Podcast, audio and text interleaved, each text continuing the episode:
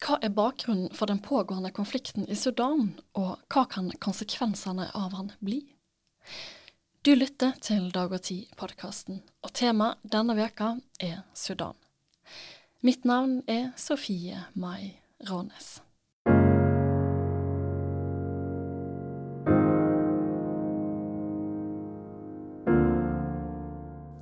I april så brøt det ut kamper i Sudan mellom hæren og den paramilitære gruppa Rapid Support Forces, som er forkorta til RSF. Hvordan er situasjonen i Sudan nå, og hva kan ringvirkningene av konflikten være? Og med meg for å svare på dette, så har jeg deg, Gunnar Sørbø, velkommen. Du er sosialantropolog og tidligere direktør ved Christian Michelsens institutt. Og du har òg lang erfaring og mye kunnskap om Sudan og landet rundt. Kan du aller først fortelle litt eh, hvordan din interesse for Sudan starta? Ja, den eh, begynte jo på Universitetet i Bergen. Jeg var så heldig at jeg var student av Fredrik Barth, som jo er en veldig internasjonalt anerkjent sosialantropolog. Og han eh, bokstavelig talt sendte meg til Sudan, der han hadde vært gjesteprofessor på 60-tallet. Og eh, jeg var den første student som reiste ned som del av en utvekslingsavtale. Jeg var bare 22 år, og jeg var den eneste nordmann i Sudan da i ett og et halvt år. Studerte litt arabisk og gjorde antropologisk feltarbeid i den østlige delen av landet. Så jeg har da fulgt dette landet da siden 1970.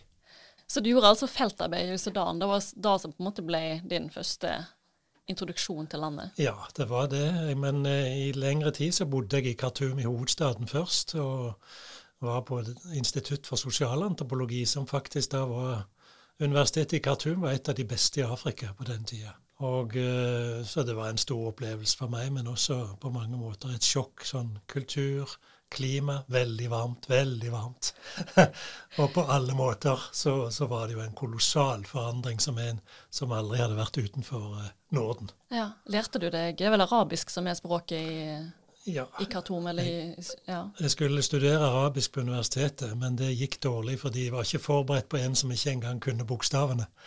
Så det endte opp med privatlærer og, og kurs, voksenopplæringskurs. og det som skjer med oss antropologer, er at når vi kommer i felten, og folk som kan engelsk, kanskje forlater oss, så er vi bare nødt for å hoppe i det. Og det var egentlig sånn at jeg lærte språket relativt bra. Ja. Sånn jeg, jeg greide meg og greier meg fortsatt litt sånn enkelt, men allikevel. Imponerende. Når var det du var i Sudan første gang? Ja, Det var 1970. Da var det fortsatt en krig som pågikk eh, mellom nord og sør. Men eh, Khartoum var rolig, sånn som den alltid hadde vært. Og det var en liten by. Vi sa alltid at her bor det 200 000. I dag så regner en med, en vet ikke, men mellom 6 og 8 millioner. Så det har endra seg mye? Kolossalt. Kolossalt. Ja. ja. Jeg kom tilbake som universitetslektor på slutten av 70-tallet, og seinere har jeg eh, reist mye fram og tilbake. Blir det på en måte ditt Vil du si at det er nesten ditt andre heimland? Absolutt. Og jeg har egentlig mange av mine beste venner, absolutt beste venner, det er folk i Sudan. Ja. Så når jeg går ut eh, fra et fly midt på natten fra Europa, så tenker ikke jeg bare på krig og elendighet, men uh, da tenker jeg på Oi, så flott, nå kommer jeg til Sudan og mine venner der. Hva er det du syns er så flott med Sudan, hvis, du, ja, hvis vi venter litt med å snakke om krigen, da? Ja, altså Det er jo veldig spesielt. Det er jo kjempestort, da. Eh, bare den vestlige delen av landet som, som heter Darfur, er like stort som Frankrike. Så Sudan, før det ble delt i to, var egentlig like stort som det meste av Vest-Europa. Eh, men Khartoum da ligger jo på en måte mm, på et fantastisk sted der den hvite Nil møter den blå Nil. Mm. Så det er jo nydelig, akkurat det. Men det er flatt, det er veldig varmt. Så det som jeg liker best, egentlig, det er jo folk og kultur og gjestevennlighet, og etter hvert også mat. Ja. ja I det hele tatt. Det er en tørr varme. Det er ikke en fuktig varme, så selv om det kommer opp i 45 grader, så tåler en det. Ja. Men hvordan er folkene? Hva slags type lynne har de, eh, hvis vi sammenligner med nordmenn, da? Ja, de har et rolig lynne, egentlig. Eh, det er, et, det er, jo en veldig variert befolkning og ulike etniske grupper. Eh, et av problemene i Sudan er jo at landet har vært dominert politisk og økonomisk av en liten, snever elite som kommer fra to-tre grupperinger som alle liksom ligger rundt og nord for hovedstadsområdet. Og det har vært et stort, vedvarende problem. Slik at alle kriger og konflikter har i bunn med at det vært opprør mot denne sentrale regjeringen. Mm. Så, men, men Khartoum har jo da vært dominert av disse Det er på en måte en slags arabisk gjestevennlighet da, eh, som du møter, som er veldig sterk, og, og som, du, som, du, føler straks du kommer der. med at når du går forbi noen som sitter og drikker te, så vil de alltid si 'Faddal, kom her og ta en te, du òg'. Og hvis du sier nei takk, så sier du bare 'sjukran, takk'. Men uh, de vil liksom alltid invitere deg inn ja. i, til et måltid eller til, til noe å drikke. Inkluderende. Inkluderende. Vi skal gå litt over på ja, hva skal vi kalle det for, de mer negative sidene, da, eller de litt mer alvorlige sidene ved Sudan. Eh, og først vil jeg bare si at Du ble intervjua i Dag og Tid 28.4 om den pågående konflikten i landet. Og For de som lytter til denne podkasten og ønsker å lese det intervjuet, så kan de finne en lenke til det intervjuet i beskrivinga til denne episoden. Og artikkelen er også tilgjengelig på dagogtid.no. Og som jeg sa, så er temaet altså situasjonen i Sudan. Eh, og det er ganske mange aktører med her i denne konflikten, så vi får bare prøve å henge med i svingene. Denne pågående væpna konflikten den blir jo kalla for en kamp mellom to generaler. Og når konflikten brøt ut i april, så flere, ble flere hundre personer drepne. Diplomater ble angrepne og skutt mot. Tusenvis uh, av sudanere og utenlandske borgere har flykta fra landet. Og da har jeg en utfordring til deg, eh, Gunnar Sørbø. I, hvis du klarer det, i korte trekk, hva går egentlig denne konflikten som pågår nå, ut på? Som jeg sier, så har dette landet hatt uh, spenninger helt siden uh, det ble uavhengig av britene i 1956. Og mye av problemet skyldes det som jeg nevnte, at uh, landet har vært dominert av en snever gruppe mennesker, eller to-tre etniske grupper, som har brukt staten som sitt redskap for å, å kontrollere samfunnet og profitere økonomisk. Eh, og i dette vide og brede landet har det ført til masse konflikter. Det har vært et forsøk på å bygge en nasjonalstat rundt arabisme, kan du si arabisk språk og identitet, og islam. Men det er veldig mange sudanesere som ikke er arabere.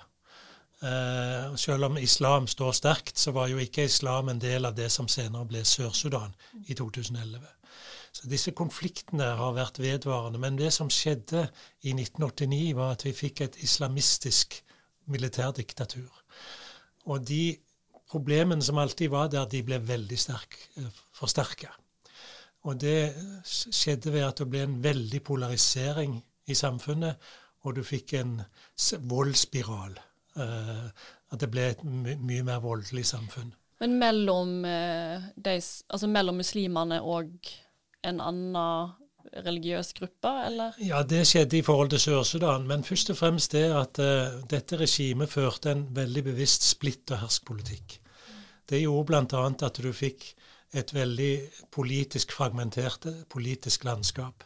De spilte folk ut mot hverandre, sånn at når dette diktaturet falt i 2019, etter 30 år, så satt Sudan igjen med Jeg telte opp dette nesten 100 politiske partier og grupperinger som var på en måte resultat av denne splitteherskpolitikken. Eh, og det andre var at for å holde på makten så hadde president Bashir også bevisst da bygd opp ulike hærstyrker. Eh, og det ble da spesielt disse to den, den offisielle kan du si, hæren, Sudan Armed Forces, som den heter på engelsk, og Rapid Support Forces, som ble rekruttert fra Darfur. Først og fremst for å slå ned opprøret der for 20 år siden. Og så etter hvert så fikk de andre roller og ble egentlig en offisiell hær, eh, slik som Bashir definerte det. Og Hemeti ble en general.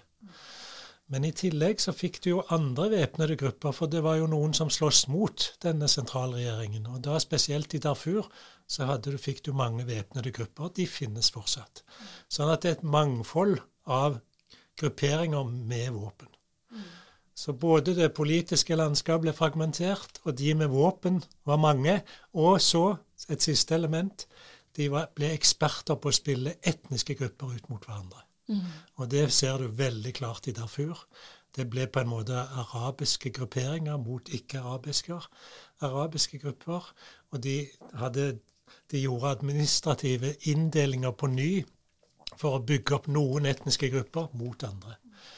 Så når revolusjonen kom i 2019, som var en genuin folkelig revolusjon, så hadde du dette fragmenterte landet. Ja. Veldig, ja. Veldig komplisert. Da. Men, men, av disse to eh, hærene, får vi kalle det, da, ja. er, den, har, er, det en av de som har mer støtte i befolkningen enn den andre? Det er jo et problem, da, at, at eh, for, for, mange er det liksom djevel mot djevel. Eh, for hæren kan man ikke stole på, fordi at de forbindes med militærkupp. Og de forbindes med islamisme, som man da egentlig ble kvitt da, i 2019. Og dette er en form for islamisme som heller ikke er ønsket i Saudi-Arabia, Emiratene og Egypt. Hva type islam? Fordi den knyttes til det muslimske brorskap. Ja. Og det muslimske brorskap, som du kanskje husker tok makten i Egypt etter et valg etter den arabiske våren i 2013. Men der skjedde et militærkupp, og i dag sitter de muslimske brødrene i, i Egypt, de som ikke ble drept og henrettet, de sitter i fengsel. Men eh, regimet i Sudan i 30 år var tuftet på det muslimske brorskap. Og på den andre siden av Rødehavet, i Saudi-Arabia og Emiratene, så er de livredde for alle populære islamistiske grasrotbevegelser som kan true den type regime som du har i de to landene. Mm. Så, eh, så de ser altså, da, de ser altså eh, utviklingen, utviklingen, i Sudan som en trussel for sine egne regimer? Saudi-Arabia og ja, De vil ikke ha tilbake det gamle islamistiske regimet som eh, under president Omar Bashir. Mm. På den annen side så har du RSF. RSF-lederen Han er også araber, men hvis du bruker ordet araber i Sudan, arab, så betyr det nomade. Han er en nomadesønn, og faktisk så familien bodde i lang tid i nabolandet Tsjad. Han tilhører en, en, liten stamme som tilhører en stor stammeføderasjon, da, den største i Darfur. Men han sjøl tilhører en liten gruppering. Eh, og han leder altså en, en familiedrevet milits, må jeg jo si, fordi at broren hans er er, er, på en måte den eh, som er fysisk ute og driver hæren, og en annen bror driver PR-virksomheten. Og Det sies at de har hyret opp et advokatfirma i USA for å drive PR-virksomhet der. Fantastisk. De er veldig profesjonelle. Ja. Eh, de har sine bankkontoer i De forente arabiske emirater. De har blitt kjemperike, det rikeste i Sudan nå. Eh, Egypt f.eks. vil ikke ha noen milits som driver Sudan. Det er jo nabolandet med Nilen som renner gjennom. Veldig viktig for Egypt. De har alltid hatt et nært samarbeid med hæren i Sudan. De vil ikke ha en milits som styrer dette landet, og som skaper ustabilitet. Og det er jo et problem i forhold til hele nabolaget. Sånn at eh, i forhold til befolkningen i Khartoum så har jo RSF ingen lojaliteter i hovedstaden. De kommer fra Darfur, og noen av soldatene kommer også til og med vestfra, fra andre land i Vest-Afrika. Uh, og det ses på som en fare uh, i Khartoum å ha et sånt militsregime. Det, det høres jo nesten ut som at hele staten Sudan eh, holder på Altså som ja, nesten ikke eksisterer. At det bare er veldig mange grupper som, som prøver å uh, å, definere hva Sudan skal være? Altså det, er en, det er en reell fare for at du får et, nesten totalt sammenbrudd, som vi har sett i en del andre land, dessverre, i, i det samme nabolaget. Enten du tar Somalia, du tar Jemen, du tar Libya eller Den sentralafrikanske republikk, for å ta de fire verste landene. Sør-Sudan er også veldig nær et kollaps. Så, eh, så, det er klart at, at, det er en reell fare for dette hvis denne krigen i, i Khartoum spesielt, men som også nå i veldig sterk grad også rammer Darfur, som den vestlige delen av landet. Hvis den får vare lenge, så blir den jo enda mer kompleks. kompleks. Og jo mer kompleks den blir, og jo lengre den varer, jo mer større er sjansen for at du får eksterne aktører, andre land, som, som tar side i konflikten mm. for den ene eller den andre part. Og erfaringene fra disse andre landene viser da at da blir det helt umulig å stabilisere situasjonen. Og Sudan er viktig. Sudan har en kyst med Rødehavet. Der har vi Suezkanalen nord for. Skipene som kom fra Asia inn skal til Europa og tilbake.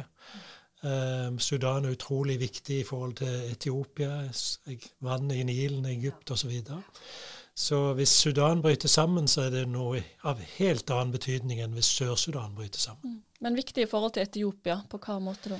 Ja, fordi at uh, der er det også denne demningen som Etiopia har bygd bl.a., uh, som er en kjempestor demning som uh, egypterne er redd for, og som de har trua Sudan med å alliere seg med Gupp om. Egentlig så vil Sudan profitere på denne dammen. For Sudan uh, trues av flom uh, i Den blå Nil. Det, det, er jo Den blå Nil som renner ned fra Etiopia. Og uh, de trues ofte av flom. og denne demningen vil faktisk gjøre dette lettere og bedre i, i Sudan. Men Egypt har på en måte truet Sudan til, til å alliere seg med de om å få til en avtale som ikke truer Egypt, for Egypt er livredde for at de skal få mindre vann. For Egypt, hele eksistensen til Egypt eh, er basert på vannet fra Nilen og strømmen som kommer med det. Ja, og Spennende. Ja. Men du sa, jeg vil bare ta opp noe, Vi skal komme innom disse her stormaktsinteressene og stormaktskonfliktene etter hvert. Men du sa at eh, for mange så er denne pågående væpna konflikten en slags djevel mot djevel. Ja. Men hva er det et alternativ der? Er det noen, er det grupper som Altså fins det en tredjepart som, som, har støtte i befolkningen, som kan være et alternativ? Altså rev Revolusjonen i 2019 var en genuint folkelig revolusjon, som jeg sa. Den ble drevet fram av uh, en sammensetning av uh, noen politiske partier, av fagforeninger, der bl.a. leger og advokater var ekstremt viktige, uh, akademikere studenter eh, og veldig veldig mange fra det som ofte kalles den uformelle økonomiske sektor. Og da snakker vi om alt fra sånne damer som sitter på gatehjørnet og, og, selger te, med sånne eh, metallkasser som folk sitter på, eh, som du finner på, på, finner på alle gatehjørner i Khartoum, eh, til er altså, taxisjåfører osv. Disse er jo fortsatt der. Og eh, det som faktisk er imponerende nå i denne måneden som har gått, er såkalte nabolagskomiteer som hjelper hverandre.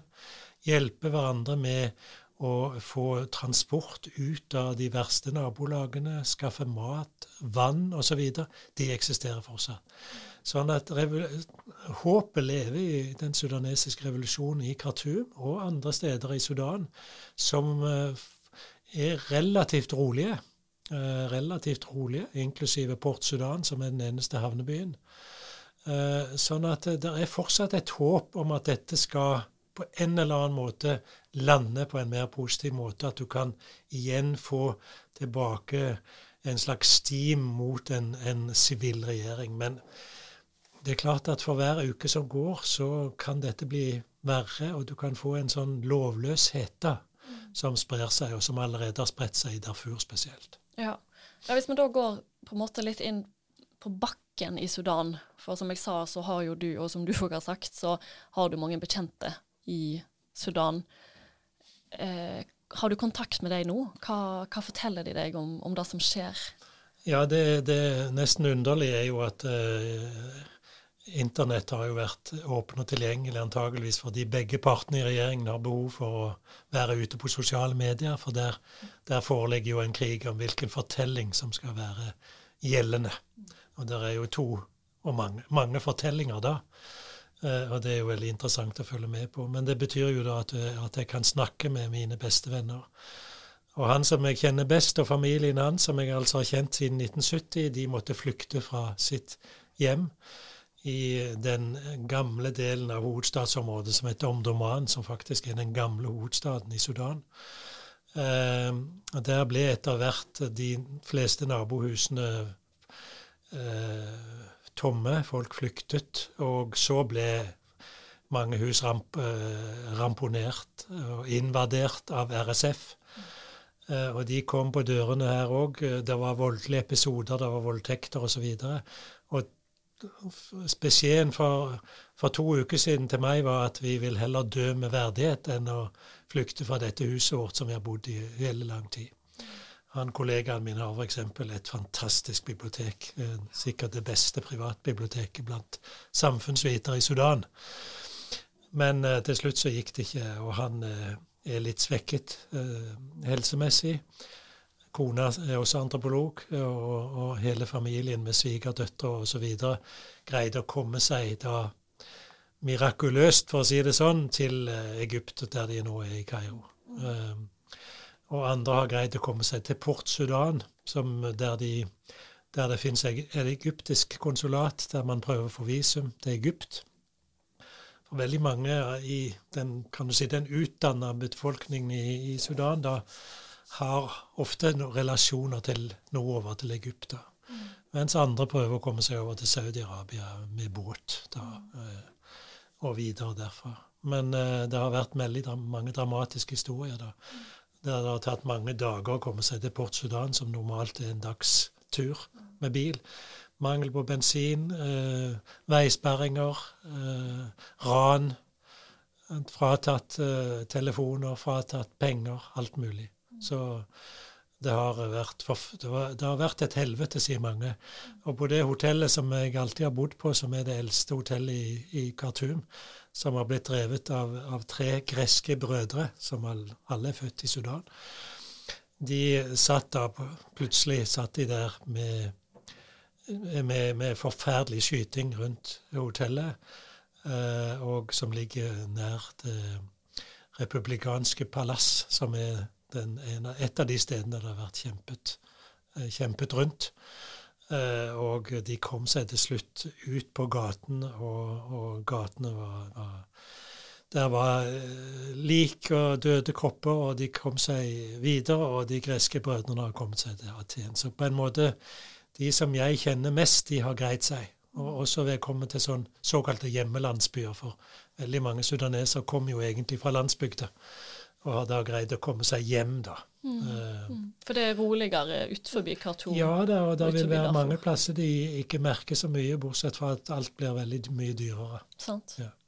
Men du har jo bodd i dette landet i, i lengre perioder. og Hvordan opplever du denne konflikten? Ja, nei, det, vi, vi, trodde jo lenge at uh, krigen ville aldri komme til Khartoum. Vi, vi visste jo Eh, at det var alltid noe som pågikk ute i provinsen, for å si det sånn.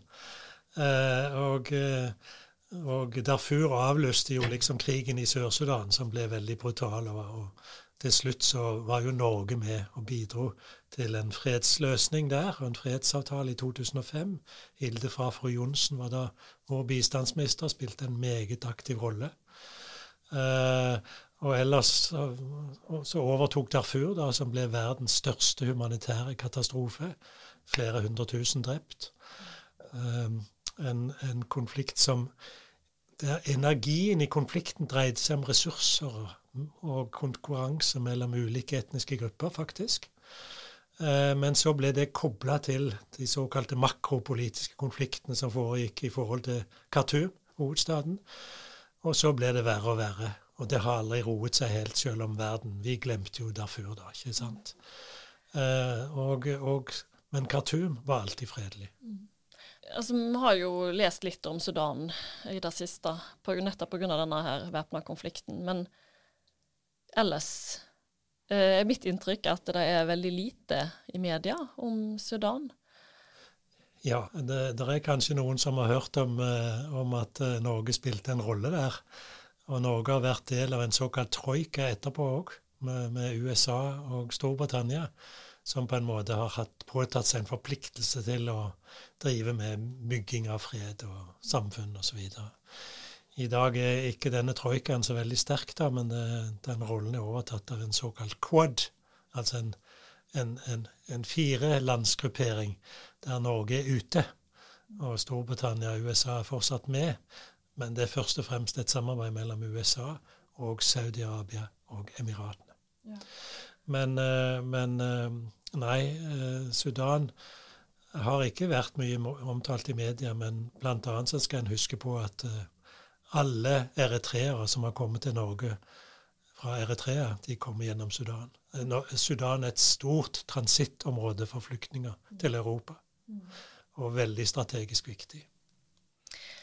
Jeg tror vi skal zoome litt ut. Du var inne på det tidligere òg med, med, disse ulike landene som, som, av, som blir påvirka av situasjonen i Sudan. Eh, så jeg tenker vi kan se litt på regionen, da. Eh, de, siste, de, siste, minuttene som vi har igjen. Du mener at det slenger disse kampene i Khartoum varer, altså eller i Sudan varer, Det større er òg risikoen for at andre land tydeligere vil markere interessene sine og ta parti for den ene eller andre parten. Hvem er, disse, hvem er de ulike partene i konflikten, og hva ønsker ja. de å oppnå? Ja, Som jeg allerede har vært inne på, så, så befinner Sudan seg i et veldig vanskelig nabolag. Et dårlig nabolag, for å si det sånn. Eh, og eh, de som ikke er allerede prega av mangel på stabilitet, for å bruke et mildt uttrykk, men også krig og konflikt, som uh, Somalia, Jemen og, og uh, Sør-Sudan og Sentralafrikansk republikk, som vi heller ikke hører noe til i norske medier, og Libya, som vi hører, til, hører om av og til, uh, så er det andre land preget av autoritære regimer. Egypt, Saudi-Arabia, Emiratene. og de har sine interesser i Sudan. Når det gjelder disse rike oljestatene, så har jo de en stund nå for det første funnet ut at de på sikt kanskje er nødt for å diversifisere sine økonomier og gjøre noe annet enn bare pumpe opp olje. Eh, og de har vært aktive med i forhold til denne kystlinjen da, langs Rødehavet nedover mot Somalia og Det indiske hav.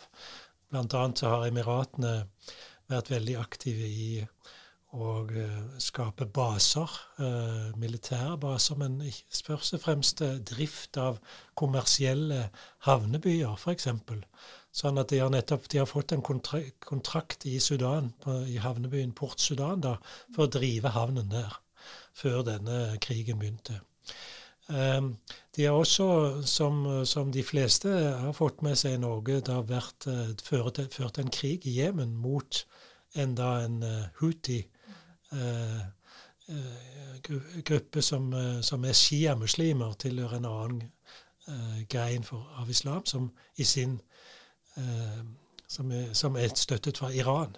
Sånn at dette er blitt beskrevet som en sånn stedfortrederkrig mot Iran i Jemen. da. Og der har de hatt soldater fra Sudan med, spesielt fra RSF som da har Og eh, Hemeti, som leder RSF, har jo tjent seg rik bl.a. på å sende soldatene sine til å slåss for Emiratene og Saudi-Arabia. Eh, og, eh, og så har de investert i, i, landbruk i Sudan. Du har jo den store elva Nilen som renner gjennom. Du har store muligheter for irrigasjon, altså kunstig vanning. Og der er det investeringer fra Emiratene og, og Saudi-Arabia fra, fra, fra, disse landene. Og Egypt er veldig, veldig, aktivt alltid. De følger alltid med i hva som skjer i Sudan. Men kan du måtte, tegne et bilde for oss hva slags er det, er, det, er det, to sider i denne konflikten? Altså Hvis vi tenker på landene rundt Sudan, hva, hvem er det som står mot hverandre? Ja, altså det, det, har, det er jo veldig tydelig da at, eh, at Egypt har eh, tatt stilling i denne konflikten til fordel for den eh, sudanesiske hæren, som de som sagt alltid har hatt et veldig nært, nært, samarbeid med. Og disse flyene som brukes eh, til å bombe i, i Khartoum, eh, eh bombe RSF-posisjoner, de, de, eh, er stasjonert i den nordlige delen av, av, av landet. Mm. Eh, og der er det helt klart et samarbeid med Egypt. Helt, helt klart. Mm. Mens eh, RSF-lederen, som jeg sa, litt, eh, litt flåsete kanskje, han har sine bankkontoer i Emiratene. Det, det, sier litt, men det er mer enn det. da. Han har nære forbindelser med Emiratene spesielt, og også med Saudi-Arabia. Det en skal huske på, som ikke er kjent i Norge, da Nordmenn drar til Dubai på ferie, men det er veldig mange som kanskje ikke engang vet at da drar de til kanskje den mest aggressive utenrikspolitiske aktør i Midtøsten, og en av de absolutt største militærmaktene med et stort flyvåpen. Og en meget aktiv, aggressiv utenrikspolitikk. De slåss i Libya, veldig aktive i Libya. Og de har altså vært veldig aktive i, Jemen. Har sin egen politikk der. Um, og de er aktive nedover mot Somalia. Og der har eh, dette, det, Hele denne regionen har blitt en, en uh, viktig arena for uh, konflikter og konkurranse mellom regionale stormakter. Og så har også Tyrkia og Russland kommet inn. Og, USA har jo på en måte etterlatt seg et sånn vakuum i denne regionen. Eh, USAs utenrikspolitikk, hva er den, liksom? Den har jo vært preget av ja, antiterror, ja, og så sanksjoner. Veldig opptatt av å rette sanksjoner mot folk som de setter på en sånn liste. Og det siste, eller i, og i går da, var at de har bestemt seg for å sanksjonere en del av disse folkene i Sudan som slåss mot hverandre. Mm. Eh, men de har på en måte hatt liten grad en slags positiv, aktiv utenrikspolitikk utover det, og da har disse andre kommet inn. Og Trump begynte med Han slapp løs Emiratene og Saudi-Arabia. Hans første utenlandsbesøk var til Saudi-Arabia. Han slapp de helt løs. De har gjort som de ville i fire år under Trump, og nå fortsetter egentlig Biden den samme politikken. Så Vesten er rett og slett veldig lite involvert i det som skjer nå? vil du si? Jeg føler at eh, både EU og, og andre land i Europa er, er blitt, uh, har redusert innflytelse i Sudan. Er det en god eller dårlig ting? Nei, det er en dårlig ting. Fordi at det, har, det, vil ha konsekvenser. Og Europa har jo alle, og spesielt EU-området, har jo siden 2015 spesielt vært veldig opptatt av, av migrasjon, av å stoppe den. Og det stopper den såkalt ukontrollerte immigrasjonen. Og de betalte jo store penger som gikk til RSF, fordi at eh, grensen ble i realiteten flyttet sørover i Sahara, grensen mellom Libya og Sudan, for å stoppe denne transittmigrasjonen som gikk over Sudan. Og det var RSF-soldater som patruljerte grensen, og som tjente seg rike på, på dette med EU-midler. Og jeg er helt sikker på at Norge var med og betalte også der. Eh, men nå virker det som eh, dette er nå overlatt til USA, Saudi-Arabia og, eh, og Emiratene. og Den afrikanske union, som burde vært den naturlige part, de har prøvd å komme seg inn nå, egentlig de siste dagene. Men de har også blitt spilt litt utover sidelinjen. Mm. Og det er bekymringsfullt, fordi at Saudi-Arabia, Emiratene, de ønsker nok stabilitet. Og det er ikke sikkert de vil slippe Hemeti og RSF fritt. Men de ønsker jo heller ikke demokratisk utvikling, for de er jo sjøl ikke noe demokratier. Mm. Har det vært demokrati i ja, i norsk forstand, holdt jeg på Eller har det vært en slags type demokrati i Sudan tidligere? Det, det har vært demokratiske perioder der du har hatt eh, tilnærma frie valg. Mm. Men de har vært korte og, av, og avløst av militærkupp. Mm. Sånn at eh, hvis du tar perioden fra 1956 til i dag, eh, så har jo demokratiperioden vært, aldri vært mer enn fire-fem år. Mm. Ja. Er det reelt å tro at eh, Sudan kan bli et demokratisk land? På, på, lengre sikt så vil du iallfall kunne sikre, få til en demokratisk utvikling. Men vi snakker jo ikke om demokratier i vår forstand. Eh, eh det tror jeg ikke. Du har bl.a. De fleste politiske partier har jo veldig liten grad et politisk program, slik som vi tenker om politiske programmer, la oss si økonomisk politikk f.eks. De er veldig preget av å være pers personleder bl.a. religiøse ledere og andre som har ledet disse partiene i veldig lang tid. Eh, og vi, det tar lang tid før vi kommer så langt, da, si, hvis, hvis, vi, hvis vi går inn i en positiv eh, fase, at vi får til den type demokratisk utvikling som vi har hatt. Men, men, det har jo tross alt vært i en del afrikanske land har det jo vært positive trender, så vi kan jo ikke gi det opp. Vi skal, skal runde, vi skal, runde av med et siste spørsmål. Um, dette er jo en veldig kompleks uh, situasjon, veldig komplekst område. Mange ulike land og interesser som spiller inn.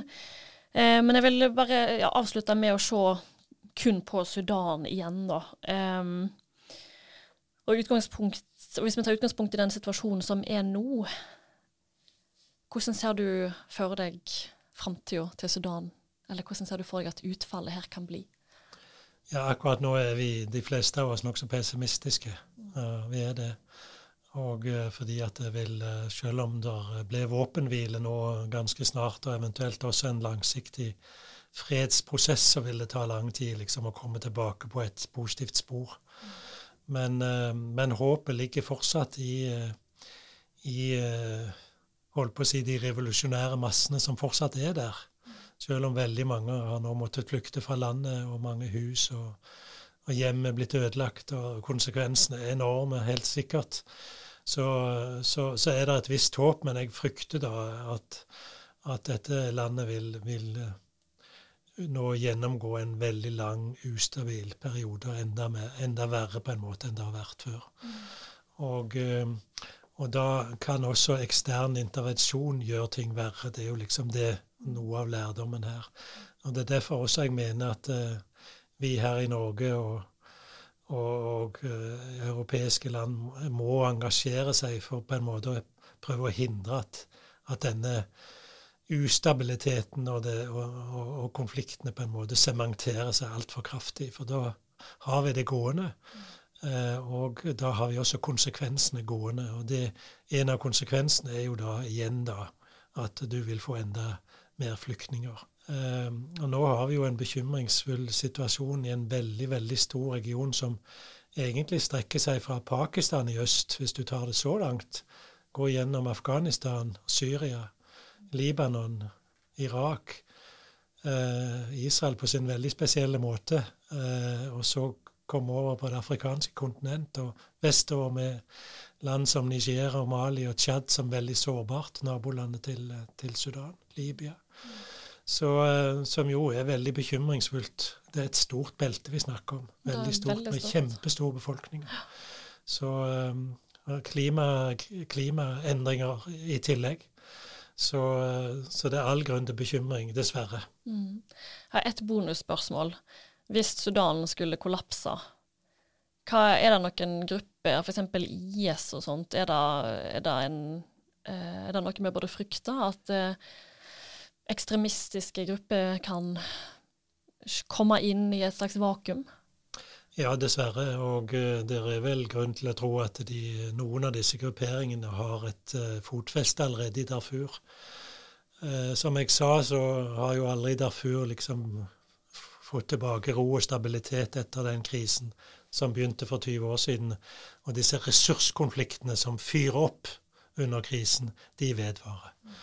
Og, og eh, eh både Al Qaida og IS har satt seg fast ute i Sahara, som jo ikke er langt fra den nordlige delen av Darfur. Eh, Boko Haram, som er en annen gruppe i nordlige Nigeria, er også i dette beltet. Eh, og hvis det er slik at eh, Darfur blir på en måte blant disse erklært som et lovløst område, så er det all grunn til å frykte at, at de setter seg fast der, nye grupperinger. Det inkluderer bl.a. opposisjonsgrupper i, i Tsjad, som i dag holder til i Libya, over grensen. Darfur ligger mye nærmere hovedstaden i Tsjad enn Libya. Eh, om noen av disse opprørsgruppene som som gjerne vil eh, skifte regime i Tsjad, kan veldig lett uh, tenke seg å flytte over til Darfur. Mm. Og, eh, og, det vil være veldig negativt, fordi at det vil kunne spre seg østover mot Khartoum også. Mm. Da er vi dessverre nødt til å avslutte, men dette var utrolig spennende. Så tusen takk, Gunnar Sørbø, for at du kunne komme til studio denne uka. Takk for at jeg fikk komme.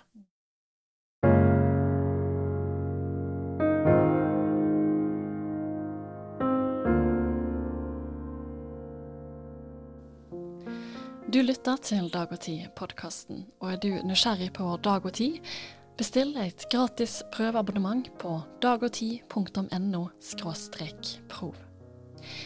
Og som alltid, hvis du har tilbakemeldinger på podkasten vår, send gjerne en e-post til sofie krøllalfa dagogtid.no. Takk for at du lytta.